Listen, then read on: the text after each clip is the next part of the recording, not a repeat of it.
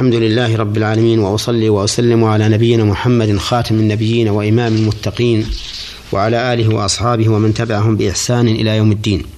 أما بعد أيها المستمعون فهذه الحلقة الحادية والثمانون من حلقات من أحكام القرآن الكريم.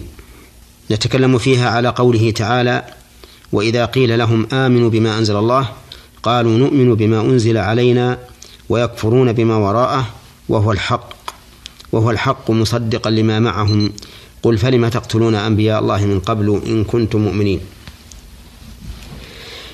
إذا قيل لهم أي لبني إسرائيل الموجودين في عهد الرسول صلى الله عليه وسلم آمنوا بما أنزل الله وهو هذا القرآن الذي أنزله الله على محمد صلى الله عليه وسلم لم يقبلوا هذا القيل بل يردونه بقولهم نؤمن بما أنزل علينا من الكتب التي نزلت عليهم كالتوراة على اليهود والإنجيل على النصارى ويكفرون بما وراءه أي بما سواه وهو الحق. يعني أن الذي كفروا به هو الحق مصدقا لما معهم. والحق هو الشيء الثابت وضده الباطل الزائل. وقوله مصدقا لما معهم أي أن القرآن الكريم صدق ما معه من الكتب وكان تصديقه لها على وجهين. الوجه الأول أنه بين أنها كتب مشتملة على الصدق والوجه الثاني أنه صدقها حيث كانت تتحدث عنه وتبينه وأنه سيكون فكان. يقول الله عز وجل وهو الحق مصدقا لما معهم. قل أي قل لهم يا محمد فلما تقتلون أنبياء الله من قبل إن كنتم مؤمنين؟ أي إذا كنتم تدعون أنكم تؤمنون بما أنزل عليكم فلما تقتلون أنبياء الله الذين جاءوا بالوحي من الله؟ وهل هذا إلا كذب منكم وعدوان واستكبار عن الحق؟ ولو كنتم مؤمنين حقا ما قتلتم الأنبياء الذين جاءوا منكم وأتوا بالكتب منزلة عليكم. في هذه الآية من الفوائد بيان تعصب اليهود والنصارى لما هم عليه من الطريق ولو كانت طريقا خاطئة. لأن دين اليهود والنصارى نسخ بمجيء محمد صلى الله عليه وسلم وصار دينا غير مقبول عند الله لقوله تعالى إن الدين عند الله الإسلام. وقوله ومن يبتغي غير الإسلام دينا فلن يقبل منه. ومن فوائد هذه الآية الكريمة التحذير من التعصب لما مع الإنسان إذا كان باطلا. لأن الله ذكر هذا عن بني إسرائيل تحذيرا من طريقتهم. ومن فوائد هذه الآية الكريمة أن هؤلاء عن بني إسرائيل إذا عرض عليهم الحق ردوه وتعصبوا للباطل الذي هم الذي هم عليه وكفروا بما سواه لقوله ويكفرون بما وراءه. ومن فوائدها أنهم عن بني إسرائيل يردون الحق المصدق لما معهم وكان الذي يجب عليهم عقلا وشرعا أن يقبلوا الحق لا سيما وأنه مصدق لما معهم ومبين أنها على حق. لقوله وهو الحق مصدقا لما معهم ومن فوائدها إقامة الحجة على كذب هؤلاء الذين يدعون أنهم يؤمنون بما أنزل إليهم لأنهم كانوا يقتلون الأنبياء ولو كانوا صادقين في الإيمان بما أنزل إليهم ما قتلوا الأنبياء. ومن فوائد هذه الآية الكريمة أنه ينبغي عند المحاجة أن يذكر المحاج ما يفحم به الخصم ويبين كذبه وبطلان دعواه لقوله قل فلم تقتلون أنبياء الله من قبل إن كنتم مؤمنين.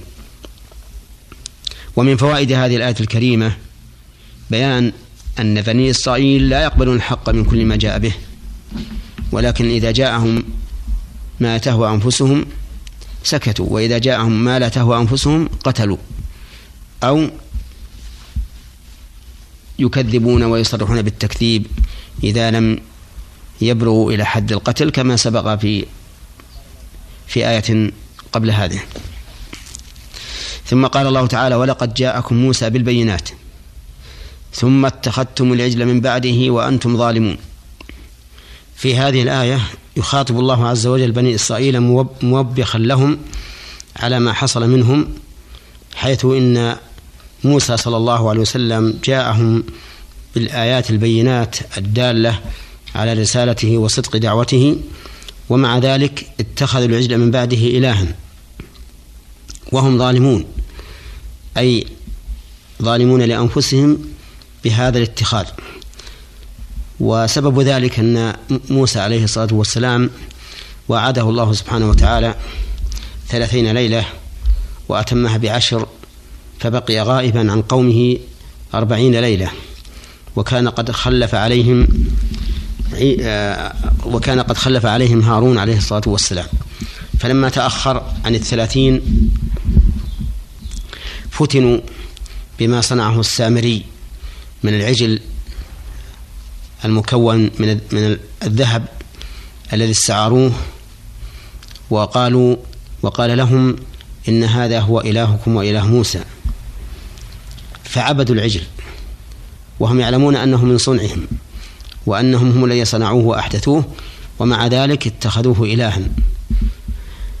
وقد نصحهم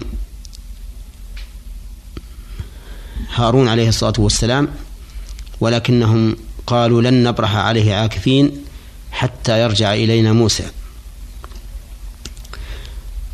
وهذا لا شك دليل على سفههم وعتوهم وطغيانهم أن يتخذوا إلها من على صورة العجل أن يتخذوا إلها على صورة العجل هم الذين صنع هم الذين صنعوه بأنفسهم. فهو من جملة القبائح التي هم التي هم عليها. يقول الله عز وجل ولقد جاءكم موسى بالبينات ثم اتخذتم من عجل من بعده وأنتم ظالمون. ففي هذه الآية بيان واحدة من أمور كثيرة تدل على عتو بني إسرائيل وأنهم إنما يتبعون أهواءهم. وفيها أيضا من الفوائد المناداة على سفه هؤلاء الذين اتخذوا العجل إلها فعبدوه مع أنه لا يرجع إليهم قولا ولا يملك لهم ضرا ولا نفعا. ومن فوائد هذه الآية أنهم اتخذوا العجل على حال ظلم. لأنهم يعلمون أن هذا العجل هم الذي هم الذين صنعوه وأنه ليس إلها ولكنهم والعياذ بالله تعنتوا هذا التعنت وناصحهم هارون ولكنهم لم يقبلوا هذا النصح. ثم قال الله تعالى وإذا أخذنا ميثاقكم ورفعنا فوقكم الطور خذوا ما آتيناكم بقوة واسمعوا قالوا سمعنا وعصينا وأشربوا في قلوبهم العجل بكفرهم قل بئس ما يأمركم به إيمانكم إن كنتم مؤمنين. وسنتكلم على هذه الآية في حلقة قادمة إن شاء الله تعالى. والسلام عليكم ورحمة الله وبركاته.